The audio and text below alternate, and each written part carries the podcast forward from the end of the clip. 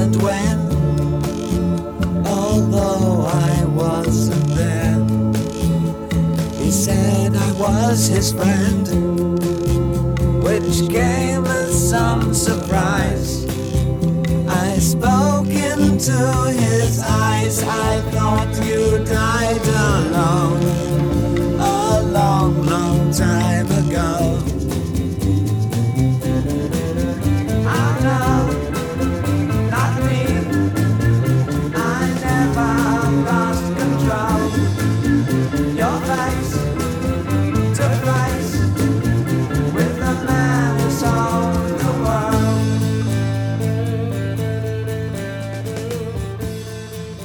Välkomna till eh, Shiny-podden.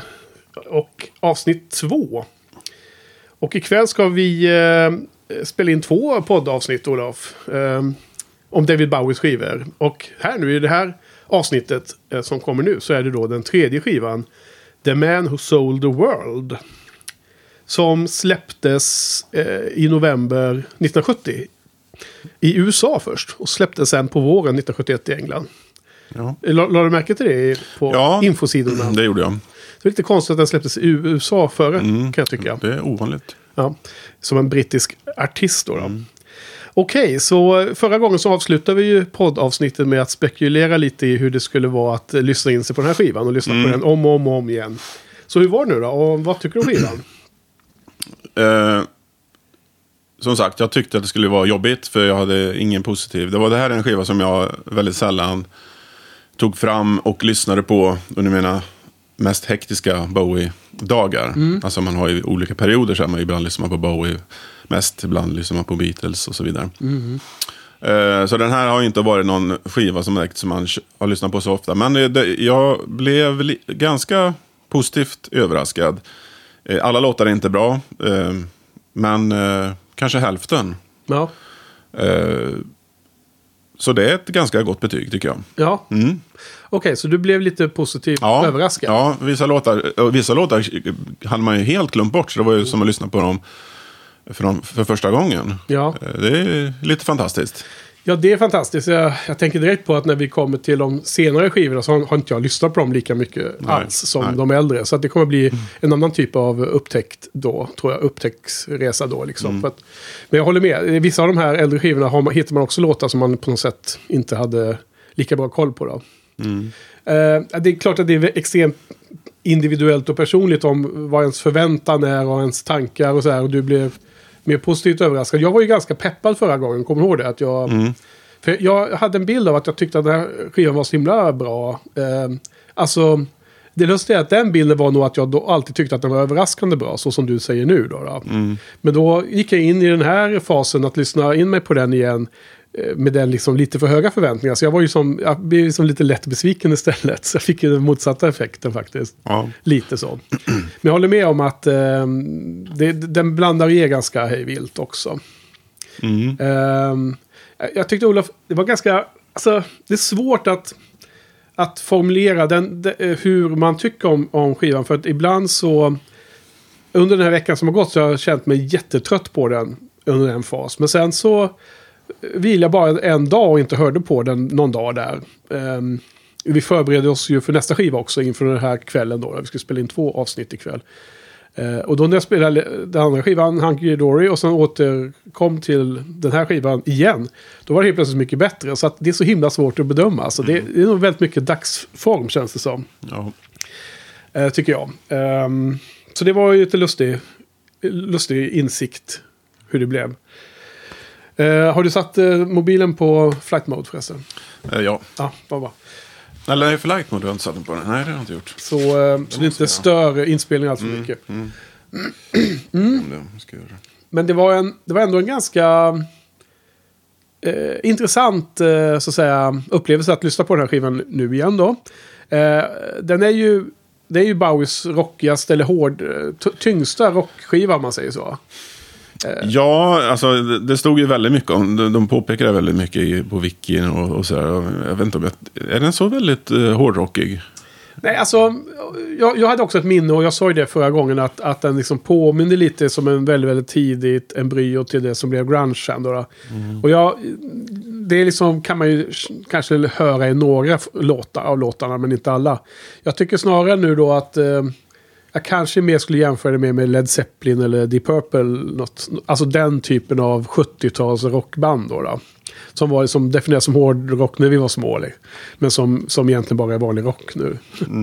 det är inte någon heavy metal direkt. Nej, inte direkt. Eh, men det, det finns ju de här sekvenserna, de instrumentala delarna i vissa av låtarna där de låter gitarristen Mick Ronson hålla på och improvisera. Det, är liksom, det finns ju liknande partier i, i väldigt kända Led Zeppelin-låtar om man säger så. Eh, så att den liknelsen tycker jag nästan är bättre kanske än de här kändaste grungebanden då. då.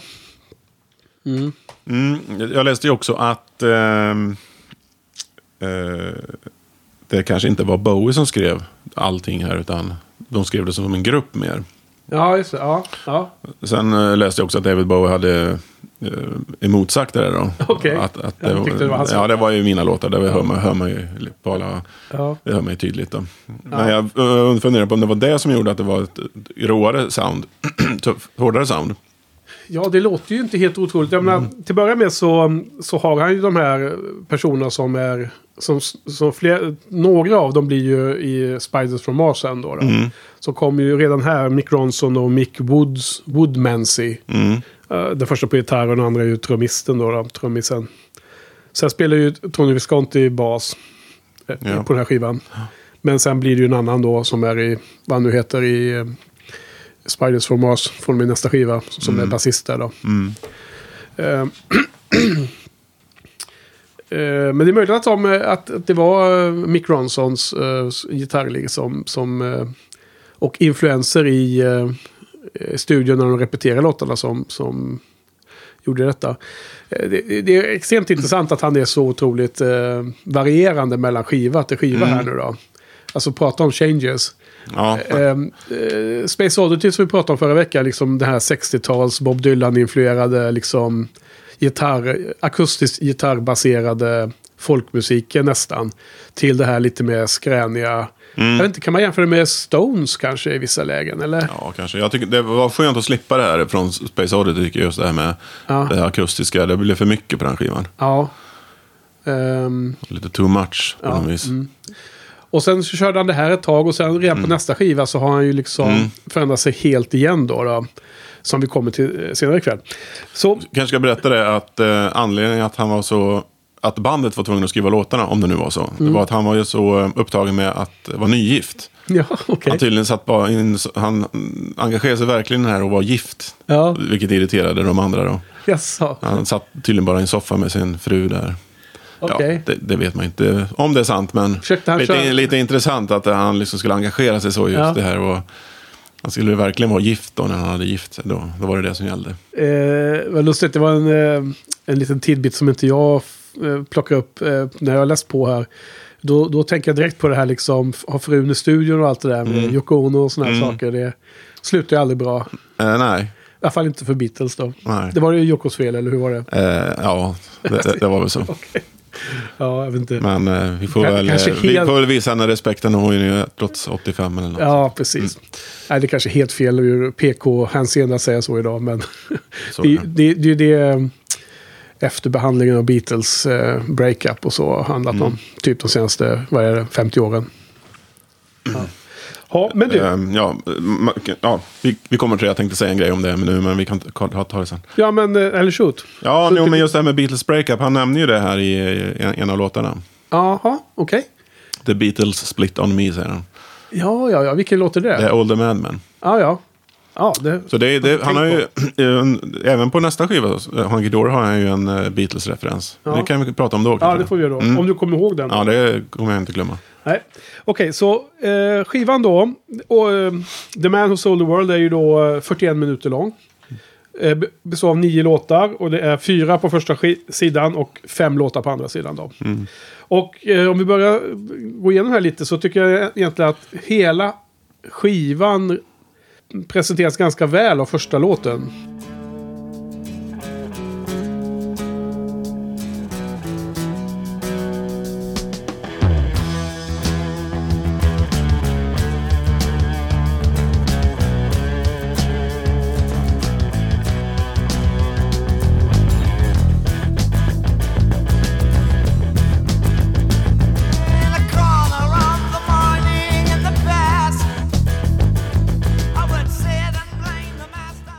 The Width of a Circle som är jättelång låt, åt, drygt åtta minuter. Mm. Och den är också så här att den är jättebra i början och sen har den superjobbigt parti och sen är den bra igen i slutet. Ja.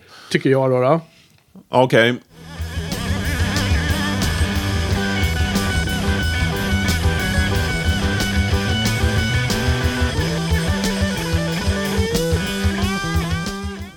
Jag tycker inte den är, den är för lång. Jag, jag gillar inte långa låtar när de inte är bra så att säga. Men den har ju vissa, absolut, vissa. Den är inte dålig rakt igenom. Ehm, Jag vet inte om det är sådär i början eller slutet, men ehm, vissa positiva Ja. sidor har den, helt klart. Alltså den, den spelas ju ganska mycket live också. Ja, Och i olika långa versioner. Någon extended cut finns väl också, tror jag, där runt uh, Siggy-turnén 73 någonstans där. ja, den var ju ganska jobbig att ha på när man lyssnar på sina konserttejper.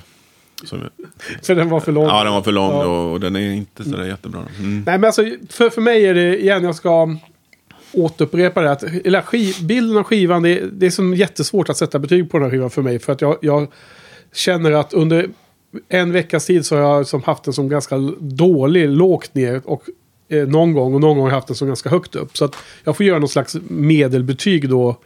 Eh, för att försöka hitta rätt. Och, och det är det som jag tycker passar in med den här första låten så mycket. Eh, det bra är ju liksom inledningen som oftast Bowie sätter tycker jag bra i hans låtar om man ska generalisera nu när jag tänker på det. Det var ingenting som jag har funderat igenom jättemycket och förberett men det bara slog mig nu precis i stunden. Men sen har de i mitten biten då när Mick Ronson kör igång med sin gitarr där då. Ska försöka klippa in lite av både de bra bitarna och de sämre då från den här låten nu då i klippningen efteråt. Eh, hoppas jag att jag kan få, få till. Men jag skulle komma till det att eh, jag eh, gillar ju bra gitarrister i de här 70-talsbanden. Jag menar David Gilmour till exempel. Så det finns andra favoriter. Senare, om man säger gitarristen i Marillion är jättebra och så vidare. De har ett helt annorlunda sound i gitarren än vad Mick Ronson har. Det här är ju alldeles för eh, eh, skramligt och för vast på något sätt för min, mitt tycke och smak. Det är för liksom... Det är för eh, stökigt, för ovårdat i gitarrsoundet om man säger så. Är det helt obegripligt det jag försöker beskriva? Nej, eller? jag, jag håller med. Och på de här live-skivorna, även de eh, med perfekt ljud och så, så blir det inte mycket bättre. Det blir ännu mer så här... Jag vet inte om han anses vara någon virtuos, Mick Ronson, eller Nej, svårt att tro Ja. alltså. han kanske har andra eh, goda egenskaper. Ja, Nej, men kompis liksom helt Mm. enkelt. Ja. Okej, så det, det är ändå en viktig låt i och med att den är med ofta. Bowie verkar gilla den i alla fall. Mm, jo, jag kommer att tänka på en annan sak eh, från konserten. Då, från vissa konsertfilmer finns ju någon från 73 där va? Hammersmith Odeon där. Ja, det är den här uh, Ziggy Stardust The Motion Picture. Mm. Ja, och då minns jag ju att han under den här långa instrumentala sekvensen så gjorde ju Bowie sin, sin teatraliska grej då. Han stod där och viftade med armarna och, Ja. och gjorde någon sån här, ja. Han, han ville ju köra lite teater. Mm. Inte bara stå och, och rocka så att säga. Mm. Så att det var det här, under den här låten gjorde han det, kommer jag ihåg. Ja. Och han var ute och hade något uh, scenklädesbyte och så också tror jag. Under Mm. sådana där långa perioder.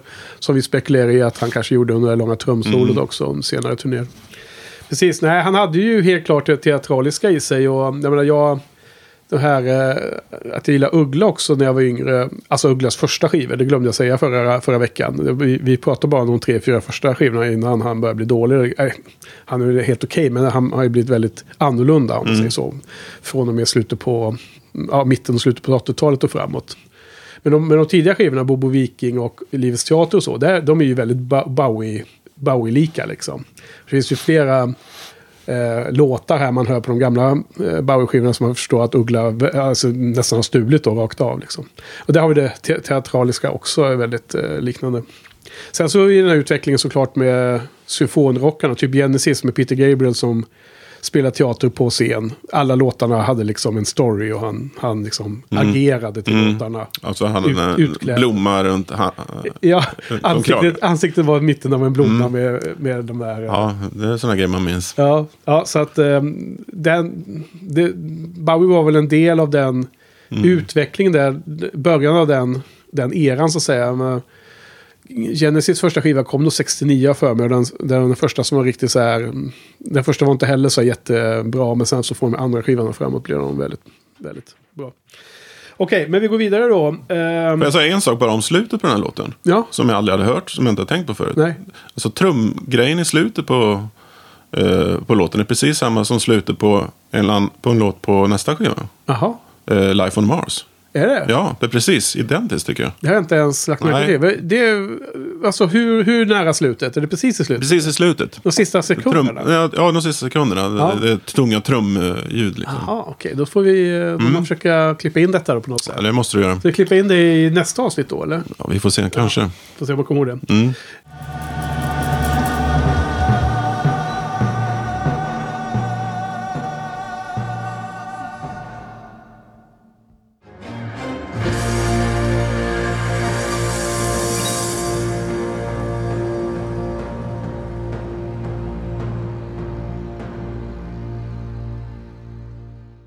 Nu är vi inte um, världsbäst kanske du och jag. Ja, vi får se hur vi är under den här poddserien, men den här poddsäsongen. Men ehm, vi borde ju titta lite på vad texten handlar om och så.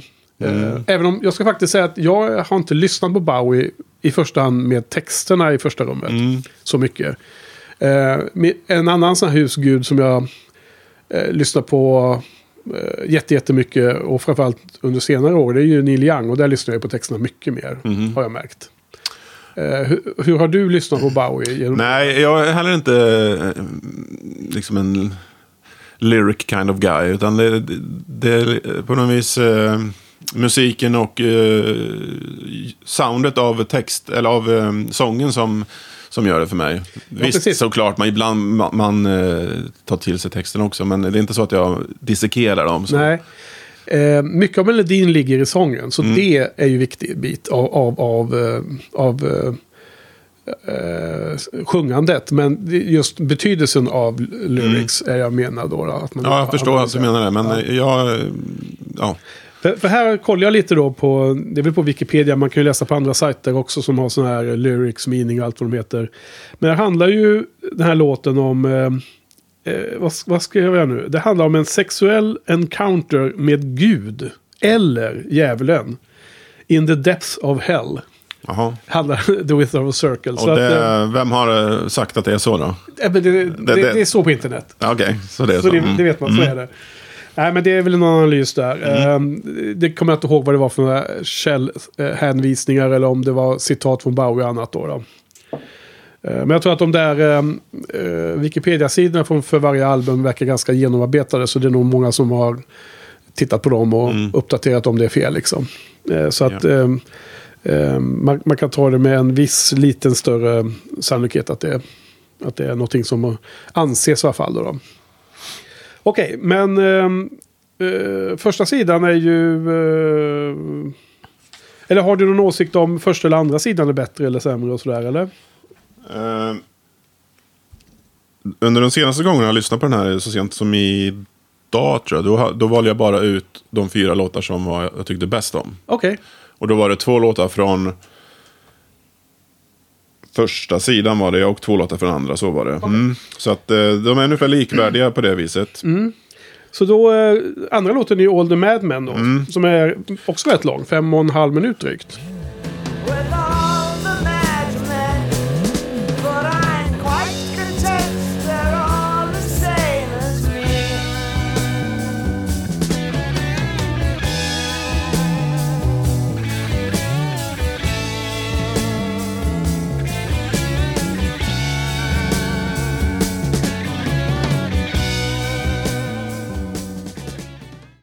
Vad tycker du om den då? Den är, tycker jag, den bästa låten på skivan. Jaha. Ja. Ehm, Ja, det är en gothic melodrama. Jaha, ja. Som handlar om eh, Insanity. Mm. Så är det ju. Uh, Childlike Dementia sjöng han om. Det är väl ett återkommande tema just det här med sinnessjukdom. Eh, Kanske inte så mycket senare, men eh, i början. För det var väl så att han hade släktingar, eller var det någon bror han hade som var, Han har, hade en, eh, som var sinnessjuk? en eh, halvbror. Mm. eh, som var, eh, vad heter det, schizofren heter det va? Ja. Och han var också väldigt intresserad av den här tiden. Och läser man om, om och om igen om man läser om texterna. Eh, så här ockultism och eh, mystiska saker. Och Ni, vad heter han? Friedrich Ni, Nietzsche. Eller hur man uttalar det. Ni, Nietzsche. Och den här eh, idén om supermänniskan. Den, eh, eh, vad hans böcker nu heter. Så den här eh, The Superman som är i sista låten här. Han är ju inspirerad av det. Men jag håller med. Jag tycker också All the Madmen är bra. Fast det är ändå så att man har kunnat vara lite trött på den någon gång i de här genomlyssningarna. Och sen när man helt plötsligt vilat någon dag så man tycker man den är superbra igen. Liksom. Jag är så himla kluven fortfarande. Eh, men den är he- helt klart en av de bättre, håller jag med om. Eh, sen har ju olika låtar poppat upp och satt sig på hjärnan på jobbet och så. Utan att man har förstått det nästan. Det var så helt, bara helt slumpmässigt. Och då har ju eh, till exempel Running Gun Blues och Black Country Rock varit de som poppat upp ofta. Så vad det nu Jaha. betyder. De känns inte lika bra men, Nej.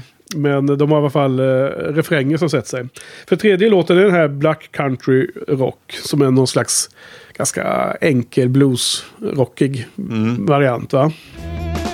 Pack up, pack us up and rest up here on Black Country Rock. You never know, you might find it here on Black Country Vad tycker du om den då? Eh, sådär, det är, inte, det är inte en av de här fyra bästa som, som jag pratade om förut. Okej. Men den, den är nog eh, kommer sen tror jag. Den, är, Ja. den kan man lyssna på utan att få allt för ont i huvudet tycker jag. Ja. Den är bättre än With of a Circle. Ja, okej. Ja, då förstår vi att det var fjärde låten sen som var den andra som var bra. Ja, men, men Black Country Rock då, då eh, den är faktiskt med i en eh, film som jag har sett som är ganska nyligen, de senaste fem åren ungefär. Mm. The Kids Are Alright, om du har sett den. Så är den låten med. Uh, ja, just det, den gamla 70-talsfilmen. Nej, nej, den här är från eh, 2010. Ja, det fanns väl en uh, 70-talsfilm också som heter The Kids All Right. Med The Who eller? Jaha, eh, eh, okej, var det inte någon LP eller sånt där då? Eh, nej, jag tror det var film. Ja, okej. Ja, det, det, vi får nog kolla upp det tror jag. Ja, nej, men jag, jag, Kan ha fel. jag skriver ju, försöker ju vara ganska noggrann med, eller noggrann, jag försöker vara frikostlig med länkar och annat på hemsidan. Så gå in och kolla show notes för Spotify-lista, eller Spotify-länk till skivan, videos, klick, lä- länkar till olika webbsidor som det står saker och ting och så. Så att eh, då kommer jag lägga upp till den här filmen också. Då. Och så får vi le- leta efter den som du nämnde här. Se om det finns någon 70-talsfilm. Ja. Och fjärde låten är After All, en ganska lugn film då, som går i, i, i fyrtakt, i vals, vals Mm. takt. Och har lite cirkusmusiksinfluenser tycker jag nästan i vissa delar. Berätta vad du tycker om den då. Jag tycker den är bra, men just nu kommer jag inte ihåg någonting om hur den går. Men jag vet att jag, det är en av, de, en av de fyra bra låtarna. Ja, Men jag kan inte liksom komma på hur den är. Jag kan inte liksom tänka mig hur, hur det går den här låten. vi, vi, vi får bryta här och spela upp Ja, den. jag skulle nästan behöva göra det. Ja. Nej, men den sjungs, den är väldigt eh, ljus och finstämmig, långsam. Han sjunger After All hela tiden. Eh, det är tydligen en, han har en, en låt i den här runt 67 när hans första platta kom. Som heter There is a happy land. Mm. Som handlar om någon barns eh, drömmebild om någonting. Och det här är då ty- tydligen en mardrömslik uppföljare till den. Ur barnets eh, perspektiv, men lite mer mörk variant då. då om man läser om. Jaha, okej. Vill du höra på den? Ska vi ta en paus eller? Ja, vi kan göra det. Ja, vi pausar. Vad gör man det? Där va?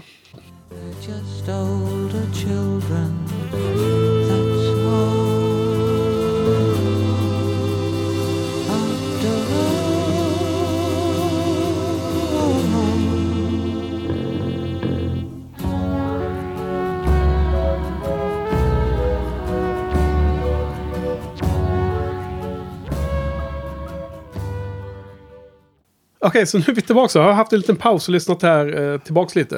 Eh, det här blir lite utmaning att köra två eh, podd, eh, eh, inspelningar av två poddprogram på samma kväll. Man blandar skivorna lite kanske. Men ja, ja, det är lugnt.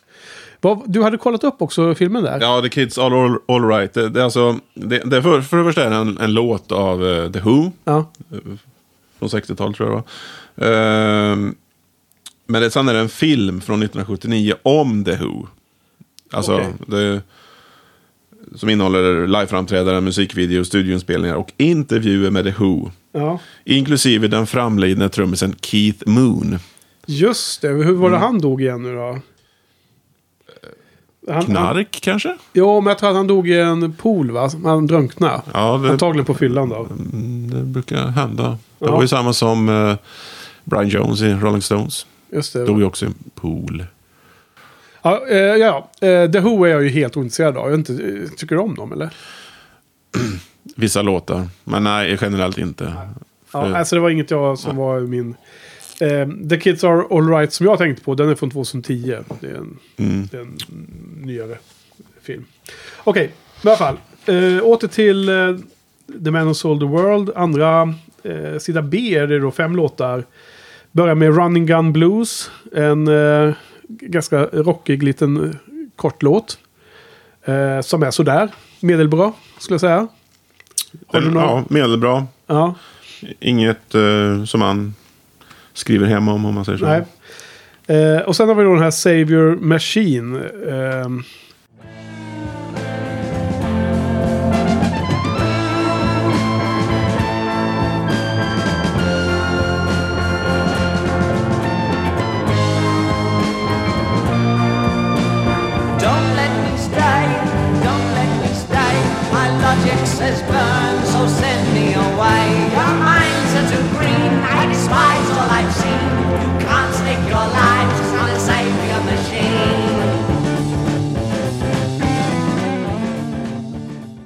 Som är en ganska skön låt. ehm, tycker jag är en av de bättre på andra sidan. Lustigt nog att här är det också lite så här cirkusmusik-tendens i uh, gömt bakom ljudmattan tycker jag. Mm. Eh, som är lite lustig på den här skivan. Just blandningen med de, de, de lite hårdare gitarrerna och den, den stilen. Vad tycker du om den låten då? Eh, den är mycket bra. Okej. En av de fyra bästa. Ja. Ehm, näst bäst på sida två. Näst, ja, näst bäst. Jaha. Mm, näst bäst. Mm. För det kommer här. Ehm, ja, nej, men vi öste på lite så vi täckte Mm. in de här. Alltså, Sen har vi den här She Shook Me Cold. Som jag tycker var superjobbig låt. Ja. Som jag gillar inte alls mycket. Ehm, den är ju lite um, tyngre har jag för mig. Men också. Det fanns partier där ändå som ehm, i slutet där när de körde instrumentalt som jag tyckte att det var lite likt någon eh, Led Zeppelin-låt då som jag uh, gjorde den kopplingen som jag sa Mm. tidigare. Då. Eh, Så den eh, gillar jag inte riktigt. Den, den, äh, den gör mig inte glad. Nej, Nej. jag kan hålla med. Ja. Och sen har vi då eh, fjärde låten av fem på andra sidan är ju då titellåten från hela albumet. The Man Who Sold the World. Ja, den är ju bra. Den är mycket bra. Den är svinbra tycker jag Mm. faktiskt. Eh, och det är helt klart den här skivans eh, mest kända och bästa låt tycker jag. Okej, ja.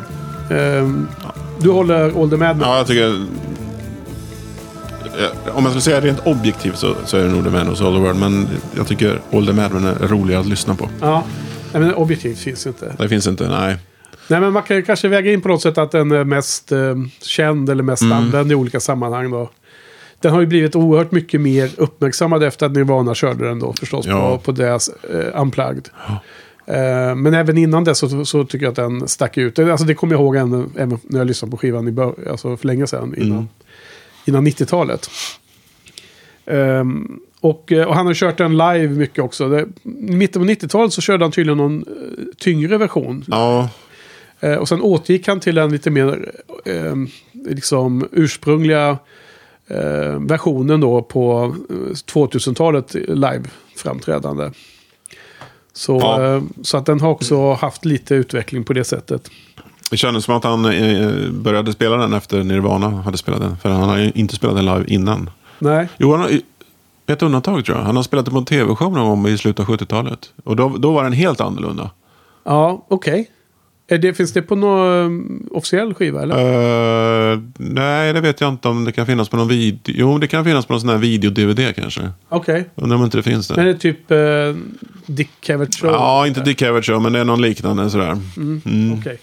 Nej, jag har eh, inte kollat upp live. Tonight Show tror jag det är. Jaha, Från okej. 1980 kan det vara. Okej. Eh, för det låter ju intressant annars. Eh, Jag har inte kollat upp live-låtarna här då, som den, vad den har släppts på i vilka versioner. Men eh, jag kollade lite på um, kända, eh, vad heter det, um, covers. Och vid sidan av Nirvana som är mest känd då förstås, så eh, upptäckte jag också att eh, Simple Minds, du vet de gamla skottarna som man lyssnar mycket på då förr i tiden, 80-tal. Eh, de har gjort en eh, covers-skiva som heter Neon Lights, som jag då faktiskt aldrig har hört, och så mm. ärlig. Men jag såg det i listan där då, så det poppade upp. Den är från 2001 då, då. så där kör de den låten. Ja. Och eh, nej, men jag tycker den är otroligt skön. Den är, eh, jag tycker den sticker ut ganska mycket på skivan för den har en annan feeling än, än hela övriga skivan. Vilket eh, jag alltid har tyckt. Och sen i början så gillade inte jag den här skivan. Sen så gillade jag den väldigt mycket då. Som det var mitt minne då att jag tyckte att den här skivan var så bra.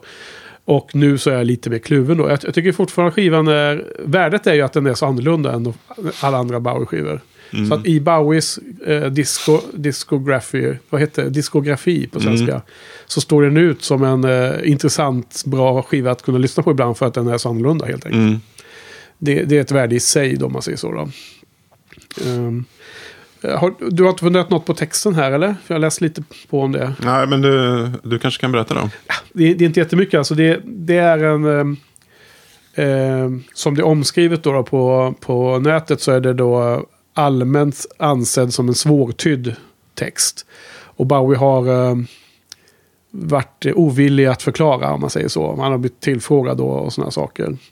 Ehm, han, han, han börjar sjunga i jag-form och sen sjunger han i vi-form helt plötsligt. I samma eh, lines fast han byter till vi. Så att eh, det här med att hans bror, halvbror då, som det nämns om mycket i, eh, när de skriver om den här skivan.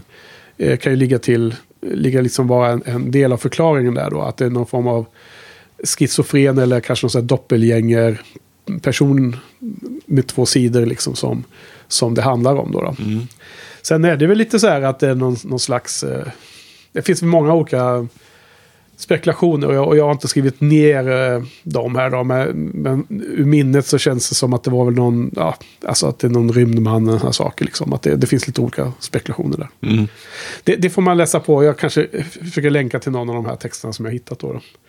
Eh, Men filmen, eller så jag, låter i alla fall jättebra tycker jag.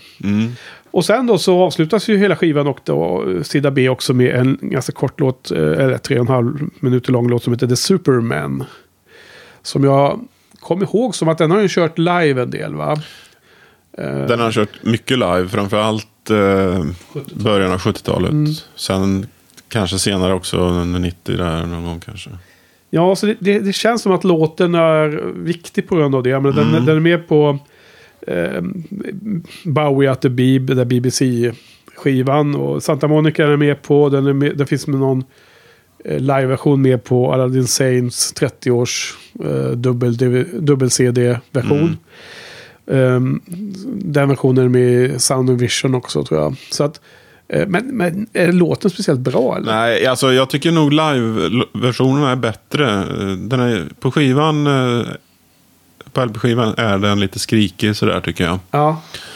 Eh, Ja. jobbigt röstläge. Ja, precis. Och han sjunger ju ganska gällt och ganska eh, speciellt. Har jag lagt märke till nu när jag hört de första två skivorna. Om vi säger skiva två och tre nu, då, alltså Space Oddity och denna.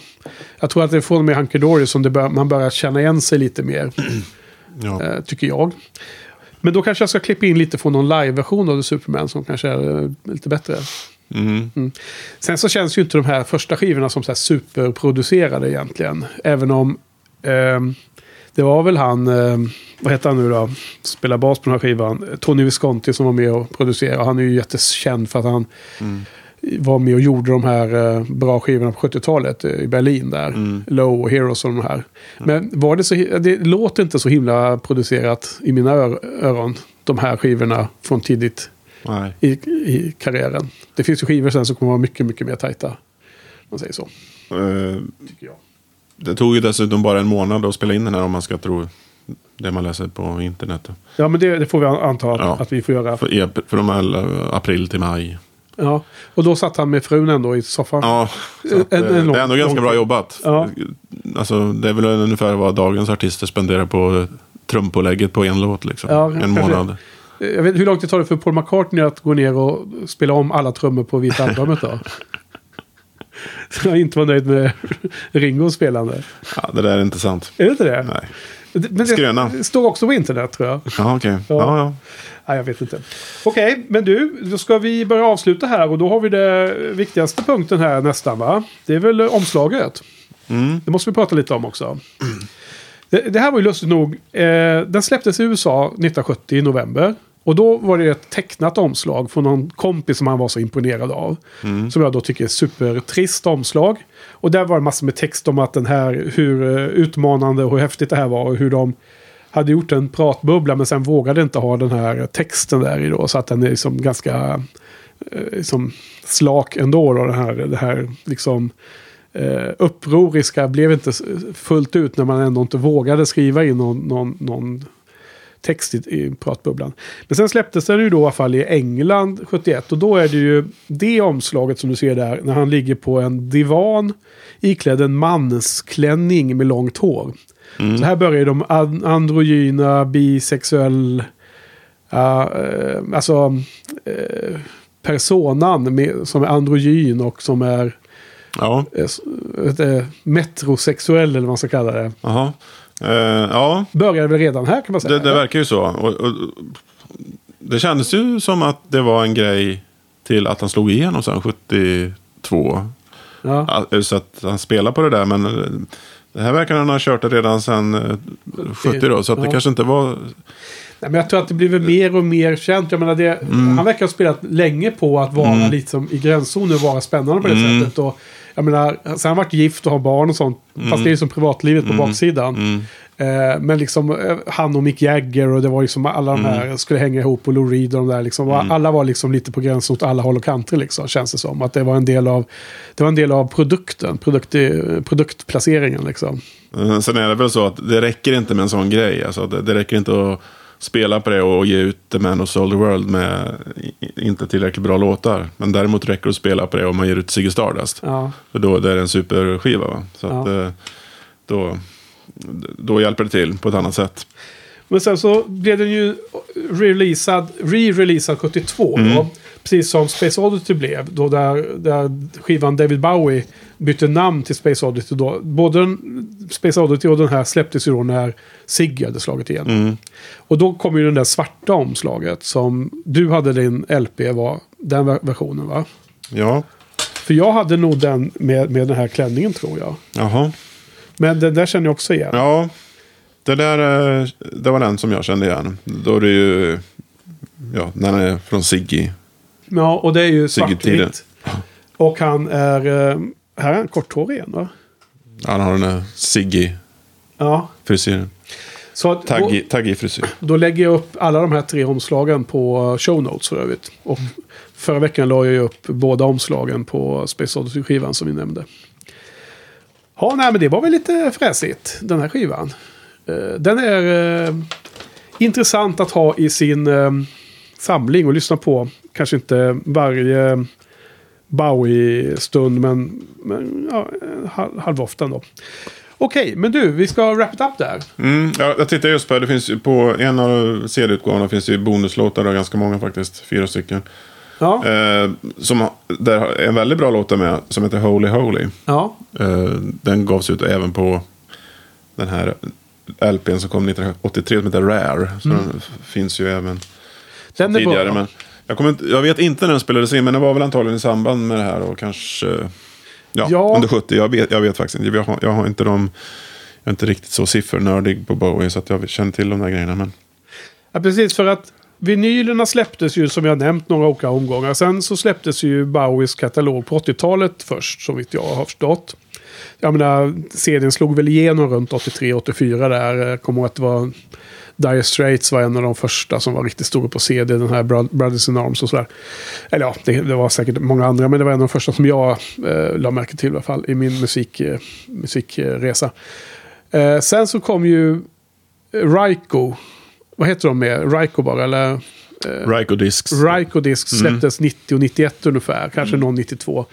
Eh, I ordning och med extra låtar. från eh, någon enstaka till som här fyra, kanske någon mer i något fall också. Alla utom Aladdin Sane av någon anledning hade inte extra låtar, absurt nog. Även i Ryko Disk då. då. Ehm, och de är ju ganska attraktiva. De kan man sälja för ganska bra pris. En del av dem eh, begagnat fortfarande just för de här extra låtarna. Då. Men sen då på 2000-talet så släpptes de i remastered och då gick de ju tillbaks till att inte ha några extra låtar igen.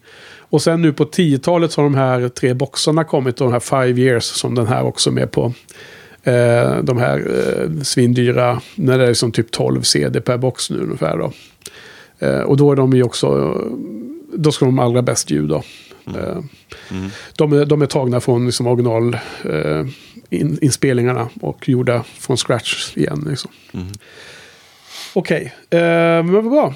Eh, nu, har vi inte, nu har vi redan lyssnat in oss på Hunky Dory, men om vi bara så, som en teaser inför nästa avsnitt, eh, som, som lyssnarna får höra nästa vecka. Eh, kommer du ihåg hur din bild innan veckans genomlyssning av Hunky Dory var då? Hur, hur skulle du beskriva den? Det, det var ungefär så här att eh, hälften av all skivan är jättebra och hälften är helt okej. Så det är inga direkt dåliga låtar. Det finns, det finns några superlåtar och det finns några bra låtar. Ja, Inga bottennapp. Ja, vad intressant. Så du, du tycker att den är ungefär som eh, The Man Who Sold the World fast de är ett rejält snäpp upp allting. Ja, Ett mycket, ja, det, alltså jag tycker de går inte att jämföra. Nej, alltså, Hunky Dory är den första superskivan av Bowie tycker ja, jag. absolut. Eh, jag förstår, men eh, just att jag till att du också tyckte att, ja, ja skitsamma. Eh, det var en snabb tolkning av mig. Ehm, jag, jag såg fram emot jättemycket att lyssna på Hunky Dory. Ehm, lite av följande anledning att jag både när jag hade vinyler och sen när jag köpte sakerna på CD och gjorde mig av med vinylerna så lyckades jag eh, vara sen med att hitta Hunky Dory i båda fallen. Så att jag alltid haft den skivan som lite så här sug efter den för att den aldrig den har saknats i samlingen under vissa perioder. Både i vinyltiden och i CD-tiden. För mig. Och eh, det har skapat liksom en slags känsla runt den skivan att man är sugen på den för att man inte har tillgång till den. Även sen när man har den då i samlingen då. Vilket gjort att den eh, också är faktiskt väldigt här, lockande för mig fortfarande i huvudet. Liksom. Det, den, den känns som att den här, den ska man ta och lyssna på. Så att jag ser fram emot, eller jag inför genomlyssningen såg jag fram emot det mycket. Och eh, jag trodde nog också att den var rejält stark. Väldigt, väldigt eh, högt. Alltså jag, jag, jag kanske trodde att uh, The Man Sold the World skulle ligga någonstans i mitten av katalogen. Och, och Hunky Dory skulle jag nog gissa innan jag lyssnade igenom alla nu då att den skulle vara topp 10 i alla fall helt klart. Eh, Av, av de 25, 28 vad nu som finns. Ja. Eh, 25 finns egentligen men en del verkar räkna Tin Machine-skivorna, två album. Är det, är det Bauer-skivor för dig? Ja, visst, men de är inte bra. Nej, de ska inte vara med i, Vi får, i se- genomgången. Eller? Vi får se. Det får vara kanske, men de, ja. Vi får se om vi, Ja, om jag orkar lyssna på om dem. vi gör någon samlingsinlägg där i slutet. Sen den, den 28 som en del eh, rank, eh, väljer. Det är ju eh, Bu- Buddha of Suburbia. Ja. Som är mycket, det är helt nyskrivet material allting va? Riktiga låtar och så. Inte bara filmmusik eh, score utan låtar i den. Mm, Den räknar en del också tydligen som ett vanligt album. okej. Mm. Ja. Okej då, men vi ska börja wrap it up här då. Eh, så vad, vad tycker du? Betyg på The Man Who Sold the World? Mm. Ehm, Space Oddity gav jag fyra. Ja? Det här blir också fyra. Jaha, Mm. okej. Intressant. Hur, hur eh, resonerar du? Ehm, ungefär hälften av låtarna är okej. Ja, Ehm, så det kan inte bli mycket mer. Det skulle kunna bli en femma då kanske, men ja, ja, det får bli en fyra den här gången också. ja. Jag eh, gav ju Space Oddity 5 Mm. av 10. Och eh, när jag lyssnade på de här, den här skivan eh, de första gångerna, då, var, då hade jag satt ett betyg på 4 faktiskt. Sen då när jag gav den en liten paus och lyssnade på den precis nu innan, eh, igår var det. Då, då, oj, då var den så mycket bättre så som jag kom ihåg den från förr i tiden igen. Så att eh, jag är väldigt kluven, det går upp och ner. Så jag, jag sätter en femma i alla fall för att eh, liksom... Eh, det blir något rimligt medel av hur jag upplevt skivan den här veckan som har gått. Så jag tyckte femma kändes som eh, vettigt betyg. Men intressant nog så har vi, tycker vi att eh, båda tycker att den är i samma nivå som Space Oddity. Som några, några toppar och sen några ganska tråkiga låtar av olika, olika skäl då tråkiga. Man kanske skulle kunna kombinera de bästa låtarna från bägge till en. Ja. Bra, jag vet inte. Ja, det skulle vara väldigt... ehm, det skulle skära sig i stil då. Väldigt Absolut, det skulle göra det. Ja, okej. Ja. Men vad bra. Men då vet du det. Då ska vi dokumentera det på show notes. Men då är vi klara för uh, den här veckans podd. Så ja, vi uh, wrap it up här. Så tack Olof. Mm. Tack Henrik. Och uh, vi är åter om en vecka helt enkelt med Hunky Dory. Hej hej! Hej.